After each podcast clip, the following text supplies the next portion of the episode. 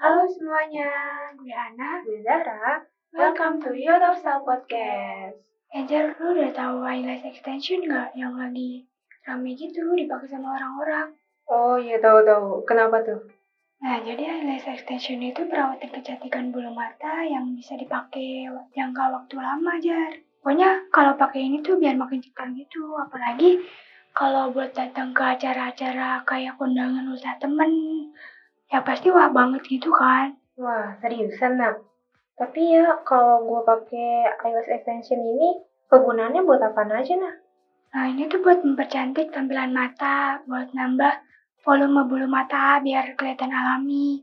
Terus juga biar mata tuh kelihatan lebih tebel dan nggak perlu repot lagi tuh dan dan dan dan pakai maskara. Iya benar-benar. Hmm, terus juga kita bisa milih gitu tampilan matanya, mulai dari natural sampai bold gitu. Sesuai selera kita ya. Iya, Oh iya nak, gue juga sering nih lihat banyak banget tuh yang sekarang tuh pada pakai eyelash extension gitu nah, emang lagi tren juga kan. Tapi lu tau gak sih, ternyata nih ada bahannya yang berbahaya juga dari eyelash extension ini nak. Tapi emang tergantung juga sih dari alat-alatnya sama kemampuan dari yang masangnya juga sih. Biasanya tuh rasa terbakar tuh mulai muncul gitu buat yang terkena bahaya dari eyelash extension ini. Terus juga kelopak matanya ada pembengkakan, matanya kelihatan merah, terus gatal-gatal juga. Sama yang terakhir tuh biasanya suka timbul rasa sakit sama ada ruam-ruam gitu nah. iya sih bener Jar. Tapi buat ngindarin bahaya itu, lu bisa pastiin dulu tuh dokter atau wali kecantikannya itu bersertifikat buat masang eyelash extensionnya itu apalagi kan kalau udah bersertifikat itu artinya dia udah ahli gitu kan Betul, betul, betul. Sama lu juga bisa tuh minta dulu tuh daftar bahan-bahan eyelash extensionnya yang dia gunain gitu nah. Yang pastinya kan untuk memastikan keamanan kita juga ya kan. Pokoknya jangan gunain lem atau perekat yang mengandung formaldehida. Karena pada formaldehida itu mengandung racun yang dapat menyebabkan reaksi alergi sama iritasi kulit nah. nah iya bener Jar apalagi tiap kulit orang itu kan beda-beda gitu ya terus juga kalau punya alergi sama latex pastiin juga tuh bahan-bahan eyelash extensionnya itu nggak memiliki kandungan yang latex itu Iya benar-benar. Sama ini sih yang paling pentingnya nah. Apalagi sekarang kan lagi pandemi ya. Pastiin dokter atau ahli kecantikannya itu mencuci tangan nah. Sama mensterilkan peralatannya. Terus juga dia menyediakan handuk atau alas tidur yang bersih untuk kita. Iya, bener ya. Sama pastiin juga tuh dokter atau wali kecantikannya pakai perekat yang digunain untuk membedah gitu. Tapi kalau misalnya proses perawatan eyelash extension itu butuhin waktu yang lama gitu nggak sih nah? Soalnya gue tuh pengen tetap cetar tapi sebentar aja gitu yang instan jangan lama-lama walaupun di rumah aja kan. Terus pengen badai juga kan kita. Iya sih, pengen sih Nah makanya. Lama Nah, nggak? dari sebuah klinik kecantikan di Traveloka Experience, Hmm. proses perawatan eyelash extension ini tuh cuma butuh waktu sekitar 2 jam, Jar. Terus juga ada lumayan banyak juga prosesnya. Jadi yang pertama itu dokternya itu ngebersihin kedua mata dengan lembut gitu biar apa ya, biar cepet tidur. Terus yang kedua buat ngindarin bulu mata yang bawahnya itu tuh Hmm. nempel sama bulu atas, dokternya itu bakalan nempelin bulu mata bawah ke kulit dengan selotip bedah gitu. Terus bulu mata alami yang diisolasinya itu biasanya pakai penjepit atau alat lainnya. Nah, terus bulu mata buatannya itu ntar ditempelin di bagian atas bulu mata yang diisolasi pakai lem. Nah, proses ini tuh bakalan diulangin lagi atau dilakuin lagi secara urut buat diaplikasikan ke seluruh kelopak mata gitu. Nah, yang terakhir, selama proses eyelash extension ini tuh lu harus memejamkan mata ya, jangan masa melek ntar mata lu kecolok. Udah perih banget itu matanya. Iya. Eh tapi nak ada juga nih nak hal-hal yang perlu diperhatiin juga kalau kita tuh mau melakukan perawatan eyelash extension. Apa tuh, Jar? Kayak yang lu tahu kan nah, kondisi kulit orang tuh kan beda-beda ya. Ada yang Iya. gampang iritasi. Ada yang kulit badak juga. Bener-bener ada yang kebal kan kulitnya. Ah, Pokoknya beda-beda gitu. Nah, ini tuh buat kalian yang kulitnya gampang iritasi gitu ya. Terutama alergi sama riasan mata atau obat mata tertentu gitu. Nih, ada hal-hal yang perlu perhatiin gitu dari bahan-bahannya. Terutama dari salah satu bahan yang digunakan dalam produk lemnya itu yang um, menggunakan bahan latex gitu misalnya. Hindari tuh buat yang menderita alopecia areata sama trichotillomania. Sama buat yang sedang menjalani kemoterapi atau terapi radiasi itu lebih baik menghindari dulu ya, jangan dulu. Ya. Ini ngomong-ngomong soal eyelash extension ya, nak. Lu tau nggak yang hampir mirip nih, nah, sama eyelash extension? Apa ya? Gak tau deh, jalan emang apa aja? Lu tahu kan bulu mata palsu, nak? Oh iya, tahu-tahu. Nah, kalau bulu mata palsu itu kayaknya juga sempat tren gitu ya di beberapa tahun yang lalu. Iya benar betul. Tapi emang masih banyak juga sih yang sekarang-sekarang ini pakai bulu mata palsu gitu. Iya benar selera sama keinginan orang-orang kan beda-beda ya nak. Iya. Iya tapi gue mau kasih tahu nih perbedaan eyelash extension sama bulu mata palsu. Apa tuh Jar? Kalau lampu mata yang bisa dikenal sama eyelash extension Biasanya ini dilakukan dengan memasangkan serat buatan pada bulu mata. Dan tujuannya ini, yang tadi lu kasih tahu juga tuh nak, untuk menambah panjang dan agar bulu mata kita itu lebih bervolume. Yang pastinya hasilnya juga tahan lama tapi yang nggak permanen. Ya. Terus juga gue juga tahu nih Jar, kalau soal bulu mata palsu. Wah lu tahu banget nih kayaknya nak. Lu pernah pakai ya? Enggak sih, gue sering lihat orang gitu apalagi kakak gua kan semakin tuh ya gua pelototin sampai mata gua pengen copot perhatiin terus kan iya. tapi lu nggak mau nyoba gitu ya Enggak sih, gue takut mata gue kecolok gitu. lu masih takut-takut ya? Iya. Ngeri-ngeri gitu. Tapi iritasi kalau nggak cocok. Iya, kalau nggak ngerti juga oh. bahaya kan. Nah gimana tuh perbedaannya yang lu tahu tuh tentang bulu matanya? Jadi kalau bulu mata palsu itu bulu mata buatannya ditempel pakai lem khusus gitu. Bedanya sama sulam bulu mata atau eyelash yang lu sebut tadi itu, bulu mata palsu ini tuh lebih gampang buat didapetin gitu, ya.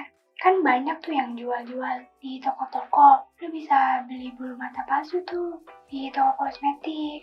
Terus lu pasang sendiri tuh bulu mata palsunya. Beda sama eyelash extension. Kan kalau eyelash extension itu kan harus ke klinik dulu ya atau ke tempat-tempat khusus yang buat lari extension gitu ya Jar iya benar-benar apalagi kan rada susah juga ya nak kalau sulam sendiri butuh bantuan dokter atau ahlinya juga kan kalau buat masang eyelash extension iya terus juga kalau emang lagi buru-buru bulu mata palsu itu kan ya pastinya gampang buat dipasang sama buat dilepas gitu kan. Iya betul. Nah kalau eyelash extension itu kan butuh waktu 2 jam gitu Jar. Iya bener-bener. Eh tapi nak, kalau eyelash extension itu lebih tahan lama nak, kayak yang gue bilang tadi tuh. Tapi ya gitu, cuma nggak permanen. Iya, itu sih bedanya. Kalau belum mata palsu kan emang gak tahan lama gitu ya, kayak eyelash extension. Iya, tergantung kondisi sama kemauan kita juga sih, nak. Kalau lagi buru-buru gitu kan pasti biasanya sih lebih milih pasang bulu mata aja gitu yang praktis. Iya, kecuali kalau pas ada acara dari jauh-jauh hari gitu nah, kan. Betul, betul. Nah, itu tuh bisa disiapin dulu tuh klinik buat sulam alis. Iya benar. Pokoknya balik lagi sih ke kita sendiri ya. Kalau mau pasang eyelash extension kan emang kegunaannya juga bagus ya untuk kecantikan. Tapi ya gitu, ada bahayanya juga kalau kita nggak hati-hati. Iya, tapi sebentar deh, Jar. Kenapa? Ngomong-ngomong bulu mata palsu, gue juga mau ngasih saran nih. Jadi, saran apa tuh, Nak? Nih, kalau lu pakai bulu mata palsu juga harus perhatiin dulu, Jar. Sesuaiin sama pemakaian di matanya. Jangan lupa juga nih, Nak. Apa tuh? Gunain juga eyeliner buat nyamarin gitu batas antara bulu mata asli sama bulu mata palsu kita. Nah, itu lu tahu Jan? Ya tahu dong, cuma ya bagiannya itu doang sih. Nah iya, sama lu juga bisa tambahin juga tuh pakai maskara, tapi jangan berlebihan ya Jar. Terus juga penggunaan maskara ini tuh tujuannya buat nyamarin bulu mata palsu yang lu pakai tadi tuh, biar kelihatan alami gitu. Terus juga jangan digosok-gosok bulu mata palsunya, ntar rontok. Iya bener-bener. Gue juga gak mau kalah nih, nah, sama lu nih. Jadi kan lu ngasih tahu ya hal-hal yang perlu diperhatikan kalau pakai bulu mata palsu. Iya. Nah, gue juga ada nih, nak. Aku mau ngasih tahu nih tentang apa aja yang perlu dipersiapkan kalau mau melakukan eyelash extension. Wah, boleh-boleh. Apa tuh, Jar? Ya, hal yang paling pertama nih, kalau misalnya mau melakukan perawatan eyelash extension, jangan dulu deh menggunakan hiasan makeup gitu, nah. Terus gimana tuh, Jar? Nah, kalau udah selesai pemasangan eyelash extensionnya nih, jangan juga mencuci muka atau membasuh daerah mata kita kira-kira sampai 24 jaman lah. Pokoknya setelah bulu mata kita tuh disulam, pentingnya itu hindari dulu air. Iya, emang sebaiknya jangan basuh muka dulu ya, Jar. Iya. Jangan nekat habis selesai extension malah berenang, Yo, berenang, yo. atau melakukan aktivitas yang berhubungan sama air gitu, Jar. Ya ampun, itu mah nggak kebayang sih. Bakalan kayak gimana tuh bulu mata hasil eyelash extensionnya, nah. Pokoknya bener sih, hindari dulu tuh baik air sampai 24 jam. Pokoknya selain hindari terkena air nih, hindari juga tuh kebiasaan tidur dengan posisi yang tengkurap. Soalnya bakalan merusak bulu mata hasil extension kita. Sama hindari juga nih penggunaan krim mata pada daerah sekitar bulu mata yang habis di eyelash extension. Terus juga nggak perlu lagi nih kita setelah pakai eyelash extension, kita pakai penjepit bulu mata. Soalnya hal itu malah akan merusak hasil eyelash extension kita. Jadinya bulu matanya tuh malah jadi rontok-rontok gitu nah. Iya, malah jadi merusak bulu mata buatan itu ya, Jar. Iya benar. Jadi kalau mau menggunakan maskara juga kayak yang gue sebut tadi tuh. Kalau pakai bulu mata palsu kan bisa ya pakai maskara juga nah. Nah, kalau emang mau ditambahin juga pakai maskara setelah pakai eyelash extension, Gunakan juga maskara yang khusus, yang emang buat disesuaikan dengan penggunaan eyelash extensionnya. Iya, ada juga nih Jar, sama kayak eyelash extension sama bulu mata palsu. Pokoknya ini manfaatnya juga sama gitu sih, buat mempercantik karya mata. Wah, apa tuh? Maskara ya? Kan, yang mau gue omongin ini tuh soal soft lens, Jar. Oh, soft lens. Itu gimana tuh? Kenapa? Nah, jadi soft lens atau lensa kontak ini merupakan lapisan tipis yang berbentuk kepingan yang dipasang di mata buat memperbaiki kualitas penglihatan gitu. Jadi software juga gunanya bukan cuma buat aksesoris gitu, tapi juga fungsinya sama kayak kacamata ya. Iya benar kayak teman-teman kita tuh ya, dia tuh awalnya pakai kacamata duluan. Eh sekarang jadi ganti tuh pakai soft lens. Soalnya emang kalau pakai soft lens juga lebih bagus juga kan buat menghias mata kita biar lebih warna-warni gitu. Iya, kalau pakai kacamata gitu kan kayak ribet banget ya. Bener-bener. Iya, terus juga soft lens juga bisa membantu buat orang-orang yang matanya tuh plus, minus, atau kelainan refraksi, tapi bisa juga buat kayak yang tadi lu bilang itu. Jadi kayak sebagai aksesoris gitu ya, Jar. Iya bener. Eh iya, nak ada yang mau aku kasih tahu nih tentang kesalahan-kesalahan yang harus dihindari kalau kita tuh pakai soft lens. Nah, apa tuh Jar? Pokoknya banyak deh. Namanya manusia kan, kadang juga nggak sengaja melakukan kesalahan gitu kan. Iya. Ya, atau malah mungkin uh, dia nggak tahu kalau yang dia lakuin itu ternyata salah kan. Nah, buat meminimalisir kesalahan itu nih, mau ngasih tahu nih, kesalahan-kesalahan yang harus dihindari kalau kita tuh pakai soft lens. Jadi yang pertama tuh lebih baik kita cuci tangan dulu. Soalnya kan tangan kita tuh uh, bekas pegang segala macam kan. Apalagi mata juga daerah yang sensitif juga ya nak. Nah sebaiknya biar nggak iritasi, kita tuh cuci tangan dulu nak. Iya cuci tangan tuh emang wajib banget ya. Apalagi kayak yang tadi kita bilang kalau pasang bulu mata palsu, eyelash extension, kita emang harus cuci tangan dulu juga kan? Iya benar, untuk menghilangkan kuman-kuman juga kan. Iya. Sama ada tips juga nih nak. Sebaiknya kalau emang mau pakai make up, lebih baik pakai soft lensnya dulu, baru kita pakai make up. Oh iya benar-benar. Kadang kan kalau pakai soft lens gitu kan kita jadi ngeluarin air mata kan. Iya. Terus malah make upnya jadi luntur gitu. Terus kita jadi ngulang deh. Sayang banget kan kalau kita nangis gitu. Jadi make upnya jadi hilang gara-gara luntur kena air mata kan. Sama ada lagi nih nah yang perlu diperhatiin. Misalnya nih, kita udah gonta-ganti soft lens gitu nih, tapi masih menggunakan cairan yang sama. Nah, yang kayak gini nih yang harus kita hindari nah. Sama kayak soft lens, cairan pembersih juga memiliki waktu kadaluarsa sendiri nah. Jadi kita tuh harus ganti cairan pembersihnya setiap 6 bulan sekali. Jangan lupa juga nih buat selalu mengganti cairan yang ada di dalam softline case-nya setiap hari. Iya, jadi kotak itu kan gunanya juga buat nyimpen softline itu kan. Jadi perlu diperhatiin juga tuh kotaknya. Nah, bisa jadi juga kotak itu tuh jadi sarang bakteri gitu. Nah, maka dari itu perlu banget kita cuci kotaknya tuh setiap hari sebelum lu naruh soft lens-nya. Jadi, kalau misalkan lu mau ganti soft lens-nya dengan yang baru, ganti juga tuh kontak penyimpanannya. Sama itu Luna yang sempat viral di sosmed gitu. Yang mana tuh, Jar? Jadi, yang gua tonton sini ya, soft lens itu masuk gitu nah ke dalam matanya. Soalnya gara-gara dia tuh lupa lepas soft lens-nya gitu pas dia tidur. Ah, serem juga ya, Jar. Malah bisa menyebabkan kerusakan mata, kan? Terus juga parahnya lagi nih ya, bisa sampai bikin kebutaan juga, Jar. Iya, makanya tuh harus hati-hati juga kan. Jangan lupa buat lepas dulu soft kalau mau tidur. Iya bener tuh, tapi kalau udah terlanjur nyangkut gitu, hal yang pertama lu lakuin tuh harus cari kaca dulu. Terus miringin sedikit kepala ke belakang, Angkat kelopak mata atas tinggi mungkin buat mastiin keberadaan softline itu. Pastiin juga matanya dalam kondisi lembab jar yang udah kita tesin cairan khusus. Habis itu, coba geser dulu tuh lensanya ke bawah, baru lu ambil pakai penjepitnya.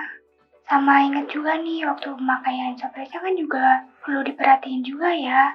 Rata-rata buat menguras softline itu kan ada yang cuma sehari, tiga bulan, ada yang enam bulan juga. Nah, itu perlu diingat juga tuh. Kalau pakai softline lebih dari waktu yang ditentuin, cuma akan membuat mata lu tuh jadi iritasi, Jar. Nah iya tuh benar. Sama gue mau ceritain sedikit nih, nak, tentang pengalaman temen gue, nak. Kenapa tuh, Jar? Jadi tuh dia bilang tuh sama gue pas lagi tuh matanya tuh kayak gatal-gatal gitu. Gara-gara pakai soft lens? Enggak, bukan. Soft lensnya itu belum dipakai gitu, tapi dia bilang matanya tuh kayak gatal-gatal gitu, kayak kelilipan gitu lah pokoknya. Terus dia malah tetap maksa buat pakai soft lensnya, padahal udah gue bilangin tuh awalnya mending pakai kacamata aja gitu daripada pakai soft lens soalnya rada ngeri kan matanya lagi gatel nah habis dari itu malah matanya tuh lebih parah gitu yang tadinya kan gatel-gatel doang kan ya kayak Hmm. kelilipan doang Iya, terus kenapa tuh? terus matanya malah jadi merah-merah gitu Iya, tapi habis dilepas itu matanya masih merah. ya lu nggak dengerin gue sih nah tadi so gue ceritain lagi Gue tadi habis makan cilok, Jar. Lu mau cilok nggak? nggak ada berarti itu ya efeknya habis makan cilok Iya. jadi salah fokus ya. nah habis dari situ tuh dia langsung ke dokter mata nah coba aja kalau dia dengerin omongan gue kan pas awal-awal tuh matanya nggak merah-merah tuh Iya ya, kenapa dia nggak ngikutin omongan lu aja ya? nah Berarti emang kalau kondisi mata kita lagi kurang nyaman, ada baiknya jangan dulu deh. Nanti yang ada kayak temen jarak. iya tuh bener-bener bahaya juga kan Iya, betul-betul. nah iya nah eh lu udah tahu belum nak kalau lensa itu bukan cuma soft lens aja nah ada banyak jenisnya Apa aja tuh, Jar? Nih, jadi lensa yang pertama itu ada yang tadi kita sebut tuh. Jadi nama lain soft lens itu lensa kontak soft. Nah, soft lens itu kan terbuat dari plastik atau silikon ya, silikon hydrogel yang dikombinasikan dengan air. Nah, dan kadar airnya dalam soft lens ini juga bakalan membantu oksigen melewati lensa menuju kornea mata. Nah, dari situ makanya banyak juga kan yang menyukai soft lens karena emang lebih nyaman juga kan buat dipakai. Terus juga mengurangi resiko mata kering, terus menjaga kornea mata kita juga tetap sehat kan. Iya, karena kita masih ngomongin soal soft lens nih. Hmm. Gue mau nambahin tentang soft lens nih. Nah, lens sendiri itu juga ada berbagai jenis gitu, Jar. Ada yang lensa harian dengan jangka waktu pemakaian tertentu. Misalnya, satu hari, dua minggu, atau satu bulan. Kayak lensa torik digunakan untuk mengatasi astigmatisme atau mata silinder. Terus ada juga lensa berwarna atau dekoratif yang tersedia dalam berbagai pilihan warna gitu. Wah, beragam juga ya soft lens. Iya. Nah, gue lanjut nih ke jenis-jenis lensa yang tadi selain soft lens. Ada juga nih, nah, lensa rigid, gas, permeable atau RGP. Dan lensa RGP ini biasanya terbuat dari plastik yang digabungkan dengan bahan-bahan yang lainnya. Nah, bentuknya juga emang cenderung kaku gitu, tapi lensa ini tuh masih bisa membiarkan oksigen masuk ke mata kita. Lensa RGP ini umumnya dipakai untuk mengatasi masalah tertentu nah kayak mata silinder sama keratokonus atau perubahan bentuk kornea mata. Orang-orang yang mudah mengalami alergi lensa kontak juga lebih cocok buat menggunakan lensa jenis RGP ini, nah. Hmm, gitu, Jar. Iya. Lu tahu presbiopi nggak, Jar? Nggak tahu tuh, emang apa, nah? Presbiopi ini tuh sebutan buat orang-orang yang mengalami masalah penglihatan rabun dekat maupun jauh. Itu tuh yang disebutin presbiopi. Lebih umumnya itu ditemuin pada usia 40 tahun ke atas sih, Jar. Nah, untuk masalah mata ini ada baiknya gunain lensa bifokal itu, Jar. Karena lensa bifokal itu dikhususin buat orang-orang yang mengalami masalah penglihatan rabun dekat maupun jauh atau yang disebut presbiopi. Lensa bifokal ini tuh juga punya kemampuan buat memfokuskan bayangan dekat maupun jauh dalam satu lensa. Lensa ini tuh juga tersedia dalam bentuk soft lens ataupun RGB. Wih, mantap-mantap. Ada lagi nih, nah yang terakhir lensa kontak sklera. Nah, berbeda dengan lensa kontak pada umumnya nih, lensa sklera ini memiliki ukuran yang lebih lebar. Nah, Lensa sklera ini biasanya dikhususkan untuk kondisi-kondisi tertentu seperti penderita keratokonus atau sindrom mata kering. Iya, sekarang ini kan juga udah banyak juga gitu kan yang lensa kotaknya tuh disediain berbagai jenis dan jangka waktu yang bervariasi itu sesuai kebutuhan kita. Nah, biar nggak salah pilih, bisa tuh lu cari dulu lensa kontak yang kita sebutin tadi. Terus, ada baiknya konsultasi dulu sih sama dokter mata biar nggak salah gitu ya dan lebih valid. Ya betul betul. Tapi ngomongin soal dokter mata nih Yana, gue denger nih dari radio Sonora FM di program Sonora Beauty gitu tuh. Jadi pas lagi tuh radio ini tuh ngundang salah satu dokter mata namanya Dokter Sri Astri Nanditya. Katanya tuh fungsi kontak lensa ini mengalami pergeseran juga nak yang secara medis tujuannya itu buat memperbaiki kelainan refraksi atau kelainan pada mata yang plus atau mata minus. Tapi sekarang udah masuk ke dalam salah satu produk kecantikan justru. Nah, malah katanya di negara-negara maju itu kontak lensa tidak diperjualbelikan sebebas yang terjadi di Indonesia. Nah, Hmm, pengetahuan baru ya buat gua nih. Betul. Dokter Sri juga menyarankan sebaiknya Penggunaan software ini tuh berdasarkan dengan anjuran dokter atau optometris. Nah, hmm, iya iya iya. Oh, udah statis tuh sampai ngomongin dokter ya, Jar? Iya bener, pembahasan kita udah banyak banget nih, udah jauh banget ya nih ya. Iya, kita juga udah di penghujung acara juga ya, Jar? Iya bener, tapi jangan khawatir, kita bakalan balik lagi di minggu yang kedua. Dan minggu keempat, bersama gue Jahra. Dan gue Hana di Your Podcast. Dadah!